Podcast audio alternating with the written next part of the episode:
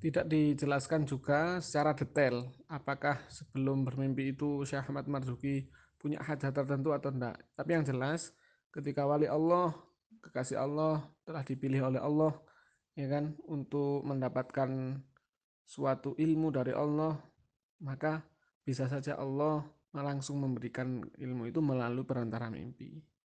Bahkan tanda-tanda dari dulu, tanda-tanda kenabian, wahyu turun itu pun salah satu cara Allah memberikan wahyu itu turun adalah melalui mimpi. Karena dalam dunia ilmu tauhid, mimpi adalah mimpi orang yang benar, mimpi orang yang soleh, mimpinya orang wali Allah adalah salah satu bisa menjadi tanda kebaikan dari oleh orang orang tersebut.